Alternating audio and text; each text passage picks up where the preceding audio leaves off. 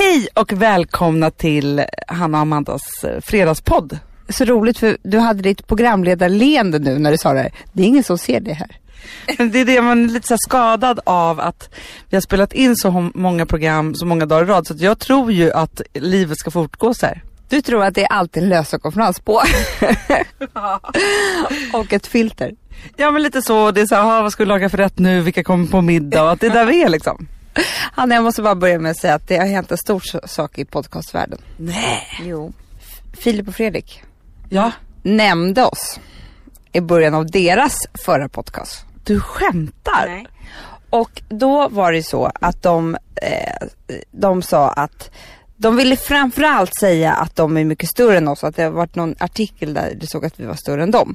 Och det håller jag med om, det är inte sant. De är ju mycket större än oss. Mycket större. Vi känner ju som att vi är så här småkryp som liksom sakta men säkert kanske liksom får eh, kanske andas i deras universum. vi åker långt bak i deras kölvatten där någonstans. Eh, men det som eh, Filip sen avslutade med var Be dem fylla Berwaldhallen om jag säger så. Alltså det är, det den är inte så stor. Nej men jag tycker det är så roligt för att just Berwaldhallen, det hade varit så kul om man sagt så här. Alltså Madison Square Garden eller du vet någon sån här Royal Al- Det hade varit något jäkligt mäktigt han har tagit upp här. Men just Berwaldhallen för mig, för är det 970 platser eller vad det är? Ja, alltså, det tror jag till och med vi skulle fixa. men jag tror faktiskt det. Vi ska göra en tjejmiddag för tusen personer. Ja, och då kanske det är podden just vi gör. Och då kan vi säga så här, jag ber dem ha en tjejmiddag för tusen bärs om ni kan. Gud vad snygg du är och du är så smal och det är så här, och bara, är det en komplimang verkligen? Och det enda du hör är bestick som skär i tallriken och en silltårta som växer i munnen. Bankis, han säger så här till mig, skulle du ta ett sms-lån så skulle jag lämna dig. Antingen så äger man en herrgård eller så skiter man i det. Det kan vi säga så här, vi sitter ju inte i Berwaldhallen, vi sitter i din bil på Östermalm och du har just backat på en gubbe. Jag körde på någon och det var faktiskt inte så kul för att jag trodde det var en stolpe och då blev jag jätterädd. Men så vände och då är det gubben som är jättearg. Och jag kände att det var motstånd så det måste ha gjort ont. Men han gick bort, var arg och tog upp en sån här walkie-talkie och började rapportera något. Så nu är jag ju rädd, det kommer komma någon och ta mig. Men undrar om det var så här att han hade liksom en sån här diktafon som han, alltså han kan ju inte anropat någon, det är liksom inte där vi är. Det kändes som att han tog upp den och bara kanske memorerade gata, plats och bilregistreringsnummer. Ja, någon slags hämnd började han planera. Men det är så hemskt där, för jag tänker också så här, om, det här var ju en olyckshändelse och du backade ju på honom, men då kunde han väl bara ha liksom så här, stannat upp och du kanske fick plåstra om eller fråga om det var så här, men då skulle han bara bli skitarg. Men man kan bli av smärta, Hanna. det är sant. Hanna, nu kommer gubben tillbaka. Nu är jag så jävla rädd. Men alltså, du måste låsa Amanda. Men gud. Nej men är det samma gubbe? Det är samma gubbe. Har du låst? Kan du, kan du låsa? Du och jag och Martina Haag och Thomas Järvheden satt och åt middag i vårt program. Fantastiskt program. Vi äter Ben Jerry-glass, eh, jag äter eh, och jag tar, säger så här, men gud, jag fick ju som, du vet som man kan verkligen få Ben Jerry-glass. Man tänker så här, kan ni andra sluta äta, jag vill äta upp allting för att det annars räcker inte för mig. Så jag tog med och skojade om det. Och då säger Martina Haag så här, men herregud, ät bara. Jag har gått upp liksom över 100 kilo med alla mina fyra barn. Och sen så har jag gått ner igen och det är liksom, det är så det är. Det är så jag har varit när jag varit gravid. Och herregud vad jag har ätit och vad underbart det har varit. Och jag kan bara säga att vilka underbara bebisar det blir på Ben Jerry. Där var vi, tre kvinnor i den här konversationen. Nej, då är det den här mannen som sitter där. Den fjärde parten av den här middagen som säger så här. Ja men hörni, stanna upp här nu. För jag måste bara säga det att eh, nej, man ska inte äta vad som helst när man är gravid, som många tror. Eh, man ska äta nyttiga saker och eh, men, man ska i alla fall inte liksom smälla i sig smågodis. Och du vet, där satt vi och tog det där kände jag då. Och sen, några dagar efteråt kände jag sån himla ilska över det här. För att just att han sa det och han kanske, eh, han är säkert en underbar kille eh, annars. Men just det där från män som berättar för oss hur vi kvinnor ska vara när vi är gravida. Det är ta mig fan det värsta jag vet. Men jag håller helt med dig för det blev, alltså nu var man ju så här, i stunden så här, vi intervjuade dem och man är lite artigare och så här. Men det lämnade en otroligt så här, bitter eftersmak och jag faktiskt har så många eh, tjejkompisar och kvinnor runt omkring mig som just är gravida. Där jag hela tiden ser en tendens att de är liksom hela tiden på helspänn över vad som ska hända med deras kroppar under graviditeten. Och det måste vara så oerhört stressande. Ja men jag hörde till och med på P1 häromdagen att eh, unga tjejer röker idag i graviditeten, alltså inte alla men många. För att då blir det mindre barn och då går de, upp, eh, då går de inte lika mycket upp i vikt. Och när jag hör det så blir jag så fruktansvärt ledsen. Ingen har någon koll på hur kroppen reagerar när man blir gravid. Du kan äta sallad och gå upp 25 kilo. Du kan äta Ben Jerrys varje dag och gå upp 10. Alltså alla kroppar fungerar olika. Det är vatten, det är annat och det är, och, och spelar roll vad fan det är som händer. Vi har ingen vila. Vi, vi kvinnor har inte ens, vi får inte ens vila när vi väntar barn eh, med vårt utseende. Och det gör mig galen. Det finns ett ord för det här som heter mamorexi. Det är också så här, ja men som han då också sa Thomas i det här. Han bara, jo men man ska ju inte äta för två. Jo, det kanske man behöver och man kanske vill. Den hungern man känner som kvinna, nu står jag varje kväll och äter risgrynsgröt med socker på från en sån här tub rakt från kylen. Alltså på ett ganska eh, äckligt sätt om, om någon skulle se mig. För att jag har, det är en djurisk hunger. Liksom. Ja. Men det var ju det också som Martina sa, att då, för hon sa ju faktiskt till Thomas lite och var så här, hon bara, men vänta, man är inte sugen på nyttiga saker. Man vill äta vetebröd, alltså bullar, glass, liksom alla sådana saker. För att kroppen faktiskt behöver alla de här grejerna. Ja men, och du vet som det står på Livsmedelsverket som jag typ vill åka dit och peppra ner dem med en jävla kulspruta. De som har skrivit där.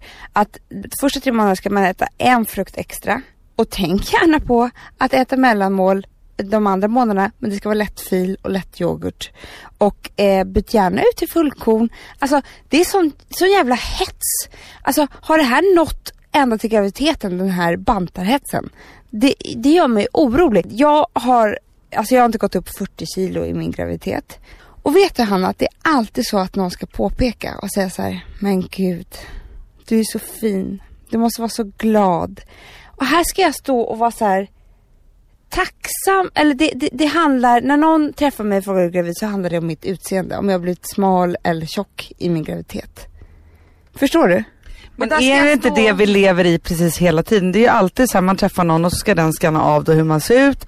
Har man då gått ner i vikt då är det så här, gud vad fin och snygg du har blivit. Och har man gått upp i vikt då är det så här, man ser liksom hur det tittas lite och så ser det så här, det noteras och liksom, ja. man tittar lite extra. Så det är ju alltid en oro att möta någon. Och då är det också, för jag kan också bli så om någon, om man då har gått ner lite i vikt så bara så här, gud vad snygg du är och du är så smal och det är så här, och bara, är det en komplimang verkligen? Ja, är det verkligen en komplimang? Du har lyckats hålla dig i din graviditet. Jag blir så orolig att någon ska tro så att jag inte har ätit mycket då. Men förstår du? För att då är det så här, det är det bästa som kan hända en kvinna. Det är att inte gå upp för mycket i sin graviditet. Fast det, det är väl det som är så här, jag tycker att vi borde ta bort den där liksom utseendekomplimangen alltid i form av vikt uppgång eller viktnedgång eller vad fan det nu är. Så här, skit i det, koppla bort det. Låt bara alla vara. För det är så här, man har ingen aning om att det är så här, ja, man kanske har rasat 10 kilo i vikt för att man är jätteledsen. Ja, och vet du. Och det här, liksom, jag vet inte, det här är bara en känsla jag har. Men just när vi satt där tre kvinnor och det var en man som sa de här sakerna. Så, så kan jag bara känna så här att det är just de där kommentarerna från män som kanske påverkar oss kvinnor väldigt, väldigt mycket. Och det finns ingen gång som man faktiskt är så osäker. Alltså alla dessa hormoner gör ju att man har, tänker PMS gånger tusen. Alltså man känner sig redan ganska, alltså un, inte under hela graviditeten men i början. Och, så och att då ha den man älskar hemma och den som liksom, man vill ska tycka om en mest i världen. Som säger att man ska inte äta för två och absolut inte smågodis jag tror inte det känns så bra. Nej men det känns inte så bra och det är ju också så här, har man en, en sån kille då som liksom tycker att det är viktigt att man kanske ska fortsätta träna fast man liksom är i åttonde månaden för att de är så livrädda för att liksom, man ska gå upp lite i vikt eller vad det är. Då är ju det, alltså så här, jag skulle vilja jämställa det med misshandel av ens eget barn.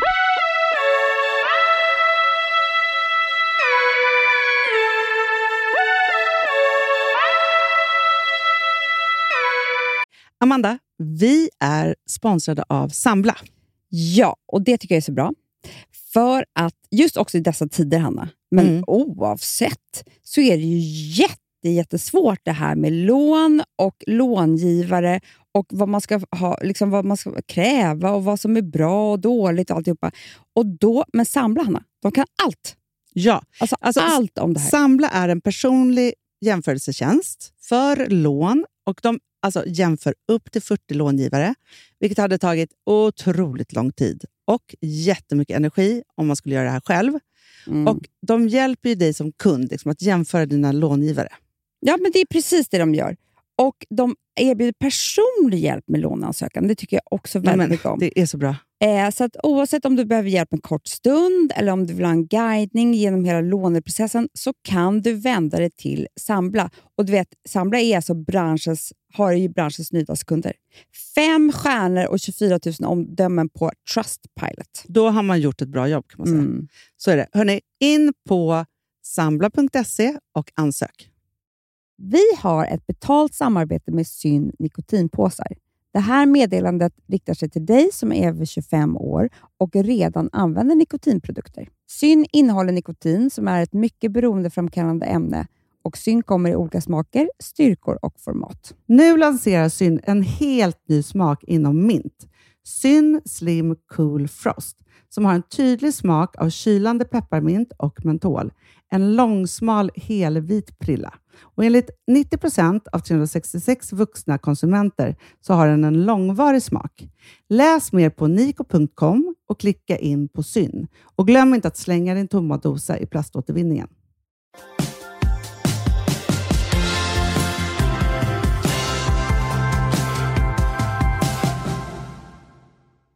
Jag och Gustav Bankis då, som ni känner honom i, som han heter i folkmun.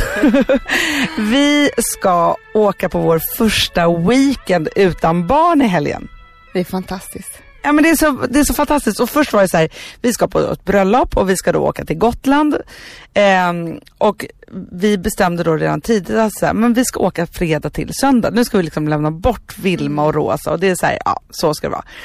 Och så tänkte jag inte så mycket på det, för man får ju bröllopsinbjudning ganska långt innan. Men de senaste veckorna, alltså vi har blivit som nykära på grund av att vi är så peppade över att vi ska åka på den här helgen. Men det är helt otroligt. Vad ser du mest fram emot? Ja men alltså det är någonting så här, för det första Gustav han, han tänker väldigt så här manligt om man nu får kalla det för det. Men han är så här hur vi, han ska tvätta bilen som vi ska åka i. Hur vi ska ta bort barnstolen fram och sitta bredvid varandra. Eh, och Han säger också, för det hörde jag ju, Hanna kommer du ta en drink på Gotlandsbåten sådär. Det tyckte jag var så underbart. Och då blir jag ju chockad för att en drink på Gotlandsbåten har jag aldrig tagit. Men det som jag ser fram emot så om man bara liksom tar från början, då är det så här. Gotlandsbåten tar 3,20. 3,20. Kanske med en tidning. Kanske jag och Gustav pratar om något härligt. Jag kanske tar en drink. Kommer ni hångla tror du? Men jag tror att vi kommer pussas mycket. Ja, mysigt. Sen har vi ju då bestämt oss för att liksom, eh, för bröllopet är inte först på lördagen. Så då har vi då tagit in på ett urhärligt hotell i Visby. Där vi ska bo. Så då tänker vi så här, nu kommer vi fram på kvällen så ska vi gå ut och käka. Dricka något glas bara kanske. För vi vill inte chocka oss själva. För det kan ju bli en brakbakfylla på två glas. Och det vet vi, det vågar vi inte. Men och sen så ska vi liksom sova. Ligga med varandra kanske. Gud. Utan att liksom några barn kan vakna. Bada eller duscha tillsammans. Nej men jag orkar inte. Och det är också så här, vakna på morgonen, kanske ligga och gosa lite. och sen så kanske, och så går vi ner till frukosten, man kanske läser DN från perm till perm. ja men du hör ju här hur svältfödd jag är på liksom den här vuxentiden Bara bara. göra ordning sig tillsammans utan barn är mysigt. Ja och bara så känna att vi har inga tider att passa, det är ingen, ingen som kan liksom hoppa ner från något, ramla eller slå. Alltså så här, hela den där liksom bebisgrejen. Men framför allt så är tror jag faktiskt så här att vi är helt redo för Vilma är ju liksom så här över ett och ett halvt och då kan hon faktiskt vara borta i två nätter Ja. från sina föräldrar.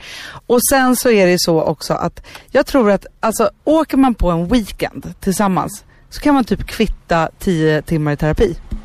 Det Parterapi. Fast Hanna, jag måste bara säga en sak. Att det finns ju en baksida på det här också. Nu vill inte jag vara den som är den. nu ska du berätta hur tråkigt det här kan bli också. Faktiskt. Jag vill absolut inte vara den som är den. Men, men ändå så tror jag så här att på ett sätt när man är ett par och så lever man på i, i, i liksom med alla ens rutiner och allting man gör och hit och dit och speciellt med barn. Alltså jag tror att det finns många par eh, där ute som liksom, de vill knappt gå och lägga barnen på kvällen för att då kanske de måste prata. Usch vad hemskt. Ja, men jag tror det är jättevanligt för man bara lever på så här. Det är lätt. För jag kan känna det så här. Eh, alltså det är inte så att jag kan känna som med Alex. Men däremot så var det någon gång så vi hade varit så mycket med Charlie typ en hel sommar. Satt åt lunch själva och det tar så här tio minuter innan man kommer in i de rollerna. För det är två helt andra roller än att alltid ha ett barn som sitter med som man hjälp. För det blir aldrig tyst. Det blir aldrig någon pinsam ty- Alltså förstår du? Nej men jag vill precis, jag hade ju min, alltså Rosa som en sköld i mitt förra förhållande typ. Ja. ja, men det är verkligen så att man kan leva hur länge som helst på att barnen alltid stör. För då är det alltid livligt Eh, och härligt eller ohärligt eller vad det nu kan vara. Men det finns, det lever i alla fall hemma. Så fort man är ensamma, men hur många par har inte sett sitta tysta? Ja men jättemånga, men vet du vad jag tror också? För jag har också varit med om en gång när jag och min förra man skulle åka på ett bröllop i Göteborg. Och då var det så att, alltså bara, vi var på Gotland och så, så lämnade vi barn på Gotland, så skulle vi åka liksom Gotlandsbåt och alltihopa. Det var åt andra hållet liksom. men alltså så mycket som vi bråkade på vägen till Gotlandsfärjan. Det var ju på ett helt sjukt sätt. Det var som så här, så att jag tror också så här, vilket vi säkert skulle kunna tendera, om vi skulle börja prata om massa jobbiga saker och nu ska vi tala ut och så här. Ja och har man inga barn med då, då finns det ju verkligen tid för bråk. Men jag kommer också ihåg ett gammal relation som jag hade. Som var så här, vi hade han, en av hans eh, svaga sidor kan man säga då. Var att han eh, liksom, han var inte så påhittig på, på något sätt. Du, Sexuellt. han, han kunde aldrig tänka ut en ny ställning. Nej, men alltså att han, han var liksom, han var väldigt dålig på att uppvakta och, och allt det här. Så att jag fick, tyckte jag alltid fick göra alltihopa. Så jag blev väl trött på det och sa så, nej men nu får du fan fixa någonting liksom, så vi ska göra något härligt. Mm, och då hade han fixat. Och då skulle vi åka till en, typ en herrgård eller ett slott eller vad. Oh, fy fan vilken ångest det var alltså. Vi kommer dit, jag kommer ihåg när vi rullar in på parkeringen. Och jag kommer ihåg att han sa en mening som var helt underbar. Det var så här. Antingen så äger man en herrgård eller så skiter man i det. För det var liksom lite så här att vi skulle vara där och leka att vi bodde där. Förstår du vad jag menar Hanna? Ja. Och sen så i alla fall så vi ska gå ner och äta middag. I den här sl- liksom, slottskammaren. Där sitter det ett annat par som sitter helt tysta. Vi sitter också helt tysta. Till förrätt är det en silltallrik. Silltårta, har du ätit det? Men gud, det låter inte gott. Och jag bara känner, det enda jag kommer ihåg från den här stunden är, är hur den här silltårtan växer i min mun. Men det är inte ens så, här så att ni känner liksom att så här, åh nu dricker jag lite vin och nu börjar det bli härligt och det är så här. Det var just det som var problemet. Att det här härliga, om, man, om, man är ett, liksom, om, om det är bra me- mellan två människor, då blir det här härliga, då adderas ju det bara gånger tusen. Är det dåligt, då blir det ännu mera tydligt vad det är som håller på att hända. Alltså om du sitter med din pojkvän och det enda du hör är bestick som skär i tallriken och en silltårta som växer i munnen istället för det här vinet som ska smaka så gott. Och sitter och blickar ut över ett annat par som sitter lika tysta. Och du bara känner så här, snälla kan någon bara komma och skära halsen av mig för jag orkar inte vara med om den här stunden. Då är Ska man göra slut? Jag gjorde det på vägen tillbaka. Nej. Jo, jag gjorde faktiskt det. Men vadå när ni åkte, då lämnade då herrgården och var så här, nej vi äger inte än och nu åker vi härifrån. Var det bara så här, nu säger jag det? Nej, men jag kommer ihåg för att sen så gick vi ner, det var fruktansvärt. Sen så efter middagen, den här hemska middagen, så gick vi ner och satte oss och eh, skulle liksom ta ett glas i den här lilla baren. Där det var någon sån här tragisk företagsfest, alltså där där de har blivit lite för fulla och skulle dansa tango och sånt där. Så de hade ju mycket roligare än vad vi hade. Förstår du? Och jag säger så här, ska vi ta in en till flaska? Och han säger så här, måste vi verkligen det? Och då Åh. kände jag så här, nej men förstår du, då hade vi ingenting kvar. Om vi inte kan sitta där och skratta åt de här fulla tanterna och gubbarna som, som kladdar på varandra på företagsfesten eh, och liksom dricka den där extra flaskan vin eller någonting. Då har vi inte så mycket kvar. Men jag, men jag tror så här, för, för också, det är klart att jag har tänkt de här tankarna inför våran första weekend utan barn, så här, efter barn. Eh, så. Men, och då, då tänkte jag, så för vi pratade om det här om kvällen, att det är så här, ja, men vi bestämmer så här, nej, vi ska inte prata om barnen, vardagen eller det som är, liksom, som är våra vanliga knytpunkter. Liksom. Vi ska inte prata om hur vi ska lösa högen. Nej precis så tror jag Hanna. Liksom inte så här efter ett glas vin tänka så här, men alltså är det inte bra att vi gör vår årsbudget nu? Eller liksom, vi kanske ska ha så här varannan dag med städning, ska vi inte göra upp ett schema och sådär? För det tror jag kan sluta i katastrof. Ja, och vi ska inte prata om någonting sånt överhuvudtaget utan det får vi prata om på liksom en söndagmiddag när vi sitter hemma och man har liksom bokat en tid för det. Nu ska vi ju bara prata om så här, vad vi drömmer om, hur vi vill ha livet, hur härligt det kan vara och vad härliga våra barn är och vad, att, att, att allting faktiskt är lite bättre än vad man tänker kanske dagligdags. Lämna allt det praktiska hemma och åk på weekend. Och sen har jag skrivit ner några nya sexställningar.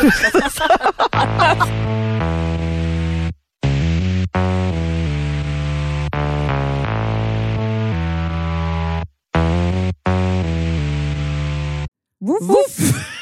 ja, det var kul. Mm, Jag är lite mer så här. Ja, det, man måste, när, när man pratar, alltså vi sponsrar av Prima Dog och när man pratar med den där, jag känner så här att alla woofande måste vara med. Det finns ju de som säger woof, woof, och så finns det woof. Alltså, det, det finns ju Det många... här är mera Fonzie. Han, han skäller inte så mycket, men han låter så här. Ruff, ruff, Han har så, sån. eller hur? Så, ja, det har han faktiskt. Får jag, säga, jag skickade ett klipp till dig. Contemporary dance med hund. Du, det är så Fonzie dansar när han får prima dogmat. För att, Ja, vet du varför? Den är så snäll mot magen. Han får en helt bekymmersfri vardag. För du vet magen, den måste man ta hand om. verkligen. Nej, men så här, och Prima Dog har ju torrfoder, våtfoder, godis och tugg i sortimentet. Alltså tugg ju så som de skulle hålla på att tugga på. Det är, faktiskt, det är Fonzies favorit faktiskt. Tugget. Ja, men han har ju också börjat älska våtfoder. Mm-hmm. Det skulle jag det också kanske tycka var go- Ja, gott. men jag, jag förstår honom faktiskt. Men det är alltså vetefria produkter med mycket kött. Och det är det som jag tror är så bra. Produkterna finns ju online, i välsorterade djuraffärer och i dagligvaruhandeln. Alltså jag skulle vilja att du och Fonzie lär er contemporary dans. Det var ju som agility fast med dans. Mm, ja, ja, vi ska Ah. göra det. Jag tror att Prima Dog kommer vilja ha oss som ansiktet utåt. Ja, men det är det jag känner. Ni dansar er fram till... Alltså för deras, jag älskar ju deras eh, liksom tagline och det är Taste of Nordic Happiness. Och liksom, Då måste dansen vara med. Ni kan gå in och läsa mer på primadog.se och snart se mig och Fonzie i en dans på en skärm nära er. Underbart! Du Amanda, Ja. vi är sponsrade av All I Am. Det är det mysigaste. Alltså för det första, ja, två produkter vill jag prata om. Mm. Det ena är blusher drops. Ja. Ser du på min kind nu? Jag ser. Det är någonting, det är alltså så här peachy, liksom, eh, kan man säga, färg. Men, och jag har ju alltid lite rouge innan, så jag är ju romantic plum innan. Men det, det som är att det är någon så här hyaluronsyra, det är massa olika grejer som gör att det plampas och blir glowigt och typ slätt. Jag vet inte vad det är. Nej, men alltså, man ska säga så här.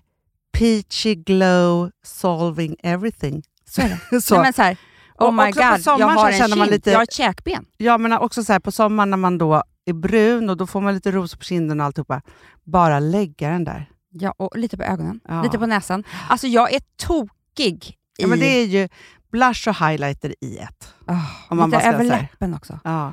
Nej, men alltså, den är, nej, men alltså, man ser så nykär ut folk- när man har den på Det sig. här är ju nästan, efter glow primern, är det här den produkt som när folk sätter på sig den första gången så är det så här: wow, nej men Mm. gud, här, oh my god, nej jag måste ha. Att det, man, blir, man blir galen alltså. Helt galen.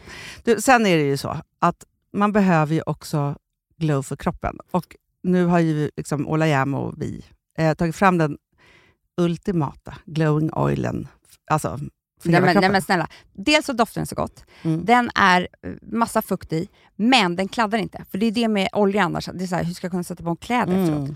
Eh, och så är det ett litet, litet, litet skimmer som nu alla ben och armar och dekolletage behöver, för vi, inte, vi har inte den här sommarbrännan än. Men även när man har brännan behöver man ju det. Men alltså nu känns det så tryggt. Ja, men när man har sommarbrännan, då blir det så snyggt så att det inte är klokt. Och till man har sommarbrännan, då kan man liksom fuska sig snygg. Verkligen så. Och när ni ändå, för nu har ni en kod och det är Fredagspodden 20 som ger 20% på ett helt köp på H&M. Och då skulle jag säga en grej till. Ta hem också dagkrämen med SPF 30. Mm. Finns ingen bättre dagkräm och ni måste ha SPF nu.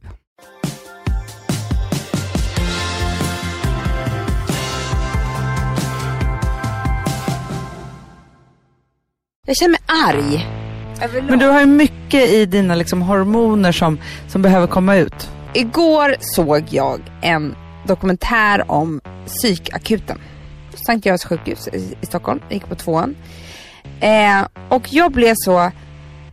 Den lämnade en känsla hos mig som var eh, uppgiven men också arg och så här berörd av det där. Och det var många olika saker jag tänkte på.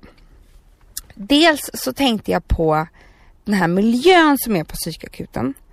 Den är fruktansvärd Hanna. Personalen, en del var härliga men många av dem, speciellt en överläkare där, pratade om patienterna med en ton som inte jag tyckte om. Alltså, Kan du beskriva ungefär hur han pratade? Liksom lite så här. Här har vi en, en man med schizofreni. Han sa att han skulle ta sitt liv men gjorde inte det. Han kan lägga, ligga avdelning två. Här har vi en eh, kvinna med sömnbrist. Hon har varit lite... ah, hon, hon har ringt hit många gånger. Eh, vi får väl se om vi skickar hem henne eller ej. Här har vi en bipolär kvinna. Hon måste ha medicin. Hon vill inte det. Men Men vadå lite som att de var jobbiga för att de var där? de var jobbiga och de var, de var jobbiga och omständiga människor och de liksom gjorde ner dem på ett sätt som jag inte tyckte om. Man, jag tror inte man skulle, det fanns ingen empati i hennes röst. Men om man inte har empati för och fattar liksom hur det är att leva med en psykisk sjukdom, ska man verkligen vara läkare på en sån avdelning då? Nej, men jag vet inte och det, det kanske är så här, eh, för det, kan ju, det är också ett tufft jobb, det är mycket våld och det kan hända so saker som inte är så trevliga och sådär. Så de kanske liksom, jag tror att det är fel, fel människor som arbetar där för att jag kommer säkert få mycket skit för att jag säger det här också men det står inte i. Men jag vill bara säga en sak att den här överläkaren stod då och sa att hon var mycket bedrövad över att fel människor hamnar på psykakuten. Det var till exempel en 85-årig kvinna som egentligen var dement. Och hon hörde, det var någon man som skulle komma och besöka henne som inte finns och hon hörde röster och sådär. Men den här kvinnan är ju dement och här får vi ta fram och ta hand om den här 85-åriga tanten. Hon ska ju vara på ett äldreboende. Och här är en kvinna som, ja hon försökte ta sitt liv igår men det är för att hon fick eh, hon var asylsökande och fick avslag. Hon är inte suicidal, hon gjorde ju det bara för att liksom få uppmärksamhet för det där och för att hon blev ledsen. Hon hör egentligen inte hemma här. Men här hamnar det väldigt många människor som ska vara på andra avdelningar. Ja, vad ska vi göra åt det? Och det var så här, jag kände sån, eh, jag, kände så här. Jag tycker att psykakuten, bara namnet tycker jag är så fruktansvärt. Och de sa ju det också att många kommer dit berusade första gången för de vågar inte annars. Och det är många människor som bor otroligt dåligt men skulle aldrig våga åka till psykakuten. Inte jag heller faktiskt. Om det inte verkligen var illa för att det låter så skrämmande. Och då tänkte jag så här. Kan, skulle inte det kunna vara en tryggare plats för alla som inte mår så bra? Och så här, här välkomnar vi alla och slussar ut och hit och dit. Om, liksom, sen får man väl hamna rätt till rätt avdelning eller vad det nu ska vara. Men det här stränga, stängda och den här medicineringen som sker. Jag, jag hörde inte ett ord om uppföljning eller terapi eller någonting i den här dokumentären. Det är egentligen bara bältesläggning och medicin och eh, liksom stängda dörrar. Jag, jag, jag fick... Jag hade en obehaglig känsla över det här. Men är det inte så att så här, psykiska sjukdomar är ju oerhört liksom, diffusa eller kan vara. Man vet ju inte, så här, är jag schizofren, är jag bipolär, är jag liksom så här, mår jag bara dåligt eller vad är det? Så här? Och det finns ju också liksom, det är väldigt så här, ja har du ont i magen? Ja du har ont i magen. Liksom, så eh, så det, är liksom, det är väl det med också med psykiska sjukdomar att det, eftersom det är så diffust så vore det ju bättre med en öppen, varmare plats där man verkligen kände så här, jag kan komma hit. Sen kommer jag bli, liksom, få en vägledning här i vad jag ska göra. För jag kanske inte har en aning om själv varför jag mår så jävla dåligt. Nej men precis så tänker jag Hanna. Att det ska vara öppen plats, alltså, och så här, sänka kraven lite på varför man tar sig till en psykakut. Alltså det behöver inte vara så att man är redo att ta sitt liv och behöver åka dit in för att liksom bli bältad. Utan det kan ju faktiskt vara så att man mår väldigt, väldigt dåligt utan att... Alltså, Men är det inte så, så här, psykakuten är psykakuten. Det är ju som att så här, ja, man går till, eh, eh, vad heter det, sin vård, eh, vad heter det? Eh, vårdcentral går man till om man liksom har en sjukdom. Men om man hugger av sig handen så åker man till akuten. Liksom Ja. så. Borde det inte finnas ett, liksom, en instans, alltså så här, ett psykställe som man kom till innan man faktiskt hade försökt ta sitt liv eller mådde riktigt, riktigt dåligt. Så att man uppmärksammar så här, ja men jag, jag har psykisk ohälsa, jag vet inte hur jag mår riktigt. Vad så här. Då skulle det inte heller vara så hårt att komma till psykakuten liksom. Ja men verkligen. Hanna jag tror att du har så rätt och jag tror att jag tror att det finns otroligt mycket bra läkare eh, som kanske är Alltså vi säger kirurger som går in och liksom opererar och de är bäst på det. De är genier vad det gäller att, att göra en hjärtoperation. Kanske inte lika bra på att prata med en patient. Vilket gör att ibland kan det kännas som att det är fel människor som hamnar bland de här. Alltså, eh, Alltså jag känner hur många människor som helst som kanske inte ens skulle ha eh, liksom Ja, de har ju verkligen dåliga betyg och aldrig studerat på universitet. De skulle aldrig komma in på psykologlinjen. Någonsin, för där krävs ett toppbetyg och ett helt annat tänkande, en helt annan hjärna. Men de kanske skulle också vara väldigt bra människor för just eh, hantera psykisk ohälsa. Förstår du vad jag menar med det? Men är inte riktigt det du är ute efter? Att det är så att svensk sjukvård inte tar de psykiska sjukdomarna på allvar? Ja, och det har jag tyckt länge och jag kommer fortsätta kämpa för det här. För att jag är så förbannad på att det här är någonting vi skäms för i Sverige. Vi försöker bara tysta ner, vi skär ner på den psykiska vården och det, det finns ingen röst där ute som jag hör som står upp för det. Men det är verkligen någonting som alltså, politikerna inför nästa val borde ta tag i. Och just också göra så att det är så här, ja men det borde finnas psykcentraler eller liksom eh, terapicentraler eller vad som helst. Vi märker ju bara att det är så här långt ner i åldrarna så mår vi sämre och sämre. Tjejer framförallt mår jättemycket sämre. Vi får jättemycket mejl av folk som mår ganska dåligt faktiskt. Men det finns ju faktiskt jättemånga saker att göra åt det här. Men man kan inte göra det själv. I dokumentären berättade de igår att de hade förut folk som åkte hem till människor som mådde dåligt. Som en jour, som en, som en, liksom, en tjänst man kunde använda sig av. Det har de skurit ner på. För att De gör det Hanna, i det tysta skär de ner på, på psykvården i Sverige. men det är, det är Flera superhemskt. psykiskt sjuka för varje dag som går. Ja men det är ju inte lätt att leva. Det är ju supersvårt och det är tusen olika saker och det är jättemycket press och bara så här, det som vi pratar om eh, med att, liksom, att, att ha någon som hela tiden liksom tittar snett på en vad man än äter när man är gravid. Det är också en psykisk liksom, terror. Så att det är inte så konstigt att vi alla mår ganska dåligt. Men då känns det ju bara som att det är så här, ja det kan inte vara så att jag kan gå för liksom, mitt lilla liksom, obehag i kroppen och att jag inte mår så bra. Då åker inte jag till psykakuten. Men för min förkylning så går jag ju till vårdcentralen. Bra, vi måste hitta på en instans som är innan psykakuten. Och jag tror alla politiker att just det skulle ni tjäna jättemycket pengar på. Nej, för då skulle det inte bli så jobbigt på psykakuten. Bra Hanna. Bra. Fortsätt kämpa. Undrar om det är några politiker som lyssnar på oss. Mm, jag, alltså jag hoppas det. Jag hoppas verkligen det. Om det är någon som håller på och som lyssnar på oss och tycker att vi har någonting bra att säga, kan inte ni höra av er till oss? Så ska vi vara med i den fighten.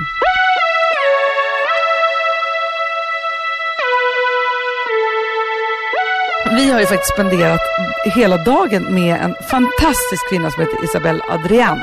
Vi älskar henne. De flesta tror nog att hon heter Isabelle Adrian. Vi vet ju bättre efter idag. Ja, och ni kanske såg också i veckan hennes storbråk i Svenska Hollywoodfruar med Gunilla. som du inte tyckte att hon hade någon stil. Nu gör jag, härmar jag henne här, ni ser ju inte det. Men jag har faktiskt hittat en ganska bra gubbe. Ja, alltså utvecklar du den, då, då kan du ha en egen show. Jag hoppas det. Men det, det, det vi, ska inte prata om svenska Hollywoodfruar eller någonting. Men hon hör till mitt nästa ämne. Det är så här att jag hörde faktiskt på radio häromdagen att eh, det här med sms-lån. Först så ökade det jättemycket och sen så försvann det. Och nu är det som att det boomar igen hos Kronofogden. Folk kan inte ta sjukt mycket sms-lån och kan inte heller betala tillbaka. Såklart. Och varför, jag då, varför tror du Amanda att jag pratar om Isabelle samtidigt som det här? För du vill ha alla hennes saker och är sugen på att ta ett sms-lån. Jajamän. Nej men det jag vill prata om så här. Nej men för det första. ju, vi, alltså, man får vara avundsjuk på folk som har pengar. Ja. Nej men alltså hon, hon lever verkligen eh, ett materiellt liv som är väldigt avundsvärt. Det måste man säga. Men sen så ska vi också lägga till att hon har en underbar man, två fantastiska döttrar, de bor i LA. Ja men hela hennes liv är ju faktiskt härligt. Men det bästa av allt är faktiskt att hon är väldigt härlig. Verkligen. Superhärlig. Alltså skulle ni, jag, jag, men jag känner mig lycklig efter att ha spenderat en dag med henne. Ja, man blir inspirerad. Och det är verkligen så här, hon och hennes man, de är så self-made och det är också fantastiskt. Skitcoolt och unga är de också. Ja, Nej, men det är underbart. Men, men det jag vill prata om, så här, nej jag vill prata om ekonomi. Ja. Mm. Och då är det det här med sms-lånen. Eh, jag känner bara liksom att det är ju lite som att liksom djävulen går nere ibland oss. Ja, alltså det här med sms-lån är ju vad jag har förstått. Tar man ett sånt kommer man aldrig ur det. För att räntorna är för höga. Du kan aldrig, alltså har du inte pengar, alltså har du inte ens de här pengarna som du tar lån för, då, då kan du aldrig betala räntan. Nej men och det hemska är ju också så här att jag förstår att det är superfrestande för det, vi är ju verkligen där att det är så här, ja men gud vilka snygga skor. De kostar tusen spänn. Jag har inte det. Eller jag ska gå ut och festa ikväll men jag har inga pengar. Och då är det liksom ett sms bort, tusen spänn på kontot. Jag blir sugen nu. Ja men man blir det. Och det är så här, men, men samtidigt som då Bankis, han säger så här till mig. Skulle du ta ett sms-lån så skulle jag lämna dig. han tycker att det är det om. Bankis och Hanna separerar, då vet du vad som har hänt. Hanna har tagit ett sms-lån. Men samtidigt som då jag vill slå ett slag för, den, för det här. För att man kan ju bli avundsjuk då på Isabelle som har alla de här materiella sakerna. Och det är ju det här, den här sakhetsen tror jag, eller liksom snygghetshetsen och alltihopa. Det måste ju vara det också som föder sms-lånen. Ja men det är klart att det är. Det går ju hand i hand. Ja, så ju snyggare eh, vi ska vara, ju mer saker vi ska ha och desto mer framgångsrika vi vill verka och rika vi vill verka, desto mer sms-lån kommer folk att ta och desto fattigare blir vi. Ja. Vad vill du komma med det här Hanna? Nej men jag vill bara säga så här, att jag är orolig för att det ökar. Och då vill jag bara säga att här, jag är orolig för att sms-lånen ökar. För det är liksom, det är inte kul att hamna i en sån. Och jag vill bara säga så här att för jag har själv varit i en, en supertråkig eh, ekonomisk situation. Nu hade inte jag tagit några sms-lån, men ändå.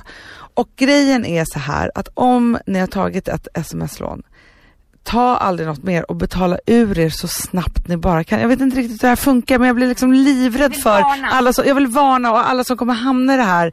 Så är det så att så kul är det inte att ha en ny väska som att leva med en ekonomisk kris. Nej, det tycker jag var bra ord. Och då blir det inga väskor alls på väldigt, väldigt länge kan jag säga. Nej. Nej men det är väl bra Hanna. Det är roligt att du inte ens vill röra vid det här ämnet. men jag för försöker jag här här- hetsa upp dig med något jag här. känner också att jag inte vill vara så eh, pekpinnig. För att alltså, liksom, jag, jag känner bara så här. Jag tror att, att det är väldigt lätt för folk att säga så här. Ska de sitta och säga? De har varsin fin väska. Ja men förstår du vad jag menar? Ja men jag fattar det, men då vill jag bara säga så här att jag har ju verkligen varit i, alltså både tjänat massa pengar själv, gjort av med alla de här pengarna och hamnat i, liksom på grund av massa lån och att vara dumdristiga ekonomiska beslut, eh, hamnat i en väldigt tråkig eh, ekonomisk situation. Men så bestämde jag mig för så här, när jag fyller 35 då ska jag med fan med vara skuldfri. Så jag jobbade senare för det, men jag har också levt med 1,50 i väldigt, väldigt många år. Och liksom vänt på varenda krona och bara liksom så här, eh, och betalat av, betalat av, betalat av. Och det är så jävla, jävla tråkigt. Så jag vill faktiskt bara så här, för det är ju lätt att sitta och vara efterklok och vara så här, jag borde inte tagit det där sms-lånet eller jag borde inte köpt den där grejen eller jag borde inte ha har lånat ut de där pengarna till han som ändå skulle dragit med dem eller vad det nu är. Och då vill jag bara vara för en gångs skull, för de som inte tänker på det och längtar efter alla de här sakerna, vara lite för klok åt dem.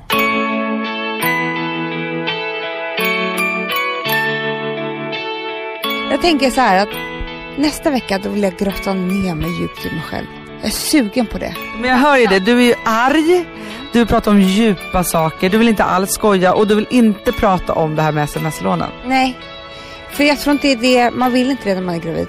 Nu vill jag då att du ska bestämma agenda för nästa veckas podd. Vad har vi att vänta oss Amanda? Nej, men kanske du och jag ska liksom prata om hur det blev egentligen livet, hur det var när vi var små. Jag vet inte, men en känsla av att ett fint samtal kanske. Hanna och Amanda från början till slut. Väldigt, slut vill jag inte att det ska vara. Från början till evigheten. Från början till Berwaldhallen tycker jag. Bra! Och hörni, innan vi avslutar det här, för det här är vi väldigt dåliga på, så är det faktiskt så att vi finns ju på våra bloggar på aftonbladet.se och så gör man så här slash och så skriver man Hanna med H på slutet, O Amanda. Då kommer man till våran sajt och där finns våra program och bloggar och så. Och sen kan vi då berätta den stora nyheten att vårt program då kommer ha eh, premiär eh, den 19 september. Yes box. Och då med nya spännande härliga gäster och från Gotland faktiskt. Det kommer bli väldigt spännande. Jag hoppas att ni kommer tycka om det. Och sen så finns ju jag på Twitter som Hanna Videll och du finns på Twitter som Amanda Videll tror jag va? tror det. På Instagram som Madde Schulman. Och där heter jag Hanna Videll bara kort och gott så. Så att där kan Som man vi liksom brukar säga, försök att bissa oss. vi finns överallt. försöka att fylla Berwaldhallen om ni kan. Så säger vi. Hörni, ha en underbar helg. Puss och kram. Puss puss, hej då!